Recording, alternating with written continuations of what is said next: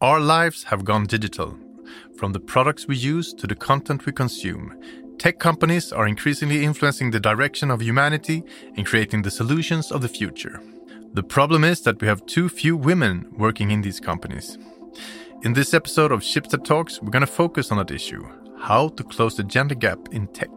Today's guests are Louise Rasmussen, Senior Engineering Manager at Schibsted Denmark, Agnieszka Lasik, Director of Engineering at Schibsted Tech Polska, and Sumit Singh Patpatia, Schibsted Head of Diversity, Inclusion and Belonging.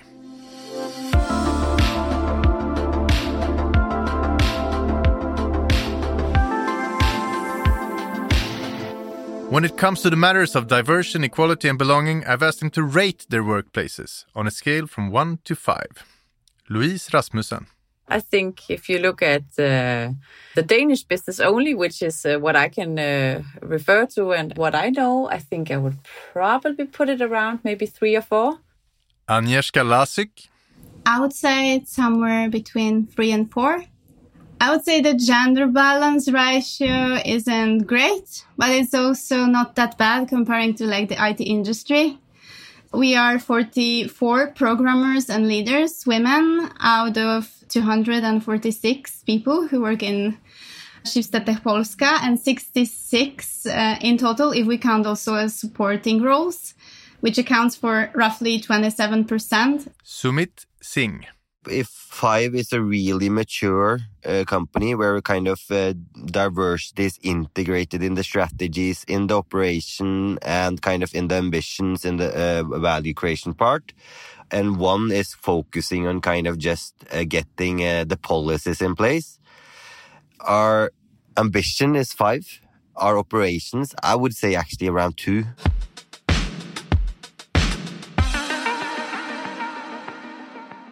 I think we tend to feel that, you know, we've been celebrating Women's Day for years now when we have this and that campaign, so everything must be good now. And I think this shows that the campaigning is not enough. And that's what I'm also referring to kind of to in Schibsted. It's not about where we want to go or our ambitions. It's actually about how we systemize things. And I think that's where it's lacking in the industry and in the society. We haven't systemized things well enough. We have, of course, done major uh, changes, but for instance, one change we haven't done. I think for years we've been kind of pointing to the pipeline and saying there's not enough people uh, or not females in the pipeline so that we can recruit them. And that's true. I agree. But it's also a passiveness. It makes you kind of take the responsibility off your shoulder and put it on someone else's shoulders. First of all, I think it's about okay how do you work with that pipeline? Do you take responsibility for that? Uh, that's one thing. And the second thing uh, i think those that will be relevant in the future is those that are hacking the pipeline they're thinking in new ways. Do i really need people with a similar background similar schools similar uh, education? Or can I think brutally different? Um, and I think those that are thinking brutally different are actually tapping into something new and something valuable. Have they ever experienced discrimination? Um, unfortunately, yes. In one of my first roles, I often felt that I need to prove myself like more than my colleagues, and uh, that my job is is not being regarded as important and as good as um, as my colleagues. So yes, it did happen to me, unfortunately yeah, so we come from eBay in the Danish business. We've never seen it. I've never seen it or or heard about it in eBay or in Schibsted. But um, I have a, a little bit of a a funny example. A couple of years ago, the Danish QA team uh, won a prize as the best Danish testing team. Uh, in kind of a big competition where we had a hackathon or we needed to to do something, and the team that we won with was uh, uh three women and two guys, and um, one of the local newspapers wanted to interview me because it was three women and two guys. And um, he really wanted to take uh, on the, the article about be, how uh, hard it is for me to be a woman and how much I have to work so much harder than my colleagues. And he was asking questions like, "Don't you think it's hard to be a woman in tech, where all your colleagues are men, and if you're having trouble with your husband at home, you have nobody to talk to, and you you know those kind of really stereotype questions that you would never consider asking a man." Actually, that was probably one of the one times where I really felt like this is so inappropriate. Do women in tech have to work harder than men? Maybe somewhere.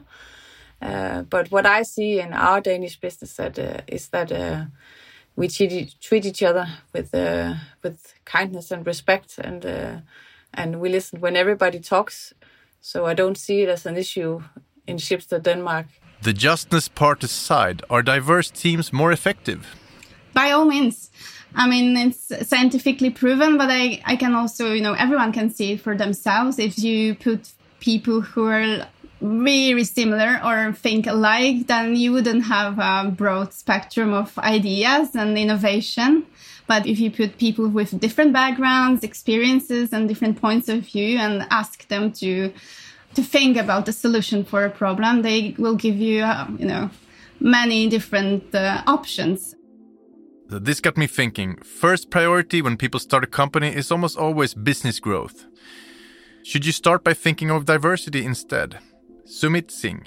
When we talk about diversity and inclusion, we tend to say, you know, if you get diversity in, if you get better in inclusion, you will in the future somewhere i don't know where it is be more innovative you'll create more value for the uh, and more business uh, growth uh, but I don't think we've been good enough to actually connect these two parts together. And that's where I think we will focus more on to start with the growth, of the business, and make the diversity a part of the business. And what do I mean with that? When we develop a product, first of all, it starts with, okay, who are the customer segments? Who do we want to deliver our products to? And where is the potential? For instance, we know that one fifth of the society now in the coming years will be people over 65 years old. Uh, this is the group which has uh, money in their pockets. How are we tapping into that uh, segment? Are they at all using our products? If not, maybe it's a problem in the organization. Maybe we don't have a single person over uh, 65 years in our organization. Now, how would we then make it relevant if we don't have that relevant insight? And I think that taps directly into growth and business value. So, and the same with regards to females. If we're just men, making the products, we will not have the best talent. Thus, we will not make the best products and we will not get the right insight and a new insight in order to innovate and make better products. So, so I think it's interlinked and it's not uh, either or. It's, it's a growth question to have diversity in place.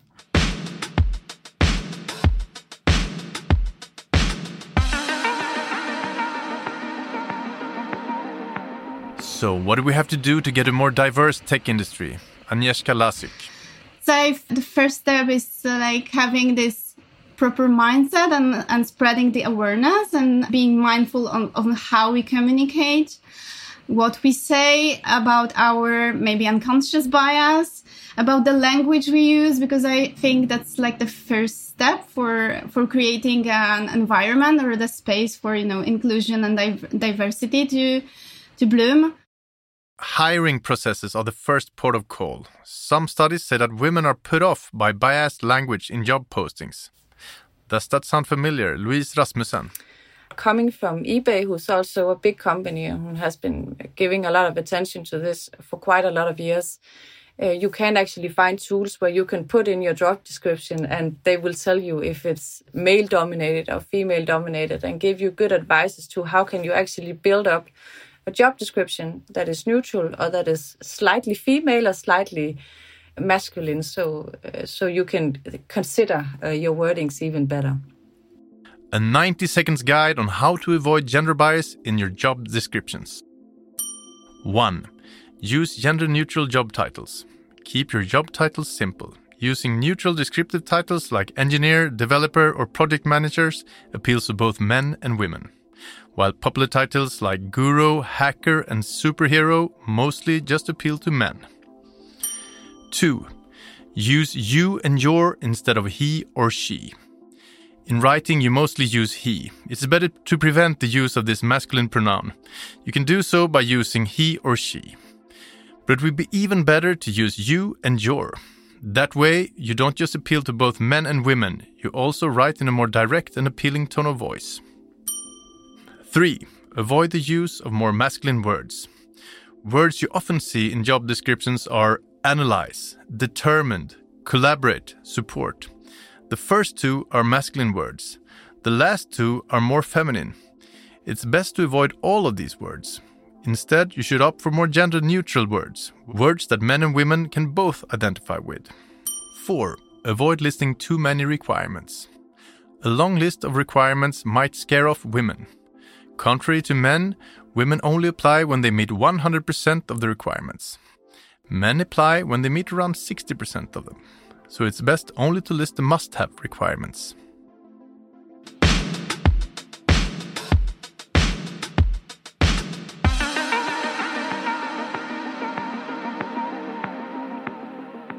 So, whose responsibility is it that a company become more diverse, more inclusive? It's everybody's right from the CEO to uh, to the people who uh, who cleans the kitchens and the bathrooms. It's everybody in the company. It's about treating each other with respect and seeing uh, that we do a great job, uh, regardless of what we are hired in to do. That we do that job good. Of course, it starts with uh, tech management and tech leadership to set the example and to speak openly about the initiatives and uh, steps taken to to ensure this kind of inclusive and diverse environment. But then the work is like uh, on everyone equally because we need leaders to um, to work on the environment and work with their teams but we need everyone to be mindful and to to ensure we are not being discriminative even with the way we speak or, or think about others the whole organization's responsibility to actually build it, but especially the leaders, is first of all the leaders' uh, role to kind of think new when they recruit, and it's uh, their leaders' role to make uh, a more inclusive environment when you come from different background. If you are the only female in a man-dominated uh, environment, or the opposite, it's the dominance group responsibility to make a more inclusive uh, place so that the non-dominant group uh, uh, people also can bring their whole self or have a chance to bring also their whole self. Finally, I asked Sumit Singh to give three advices for leaders who want their tech companies to become more diverse. For the tech leaders, I would say, um, first of all, put some targets. Where do you want to grow? And link those targets to the business. Uh, I think that's very relevant. Uh, second, build your competence get the language right. You know, it, we tend to use, we, we tend to say that, you know, I, I'm colorblind. I treat everyone equally, but that's the wrong because we are uh, different. We just needed equal opportunities, but we are not similar. We are not the same. You have to build your competence to understand this uh, and have the right language. And maybe thirdly, uh, I would say um, challenge your inner circle. And what do I say by that? you probably and uh, when you are having challenging times or when you need some advice or when you're doing some strategy work you probably lean on the same people every time challenge that and uh, try to call a new person to challenge the insight and the way you do things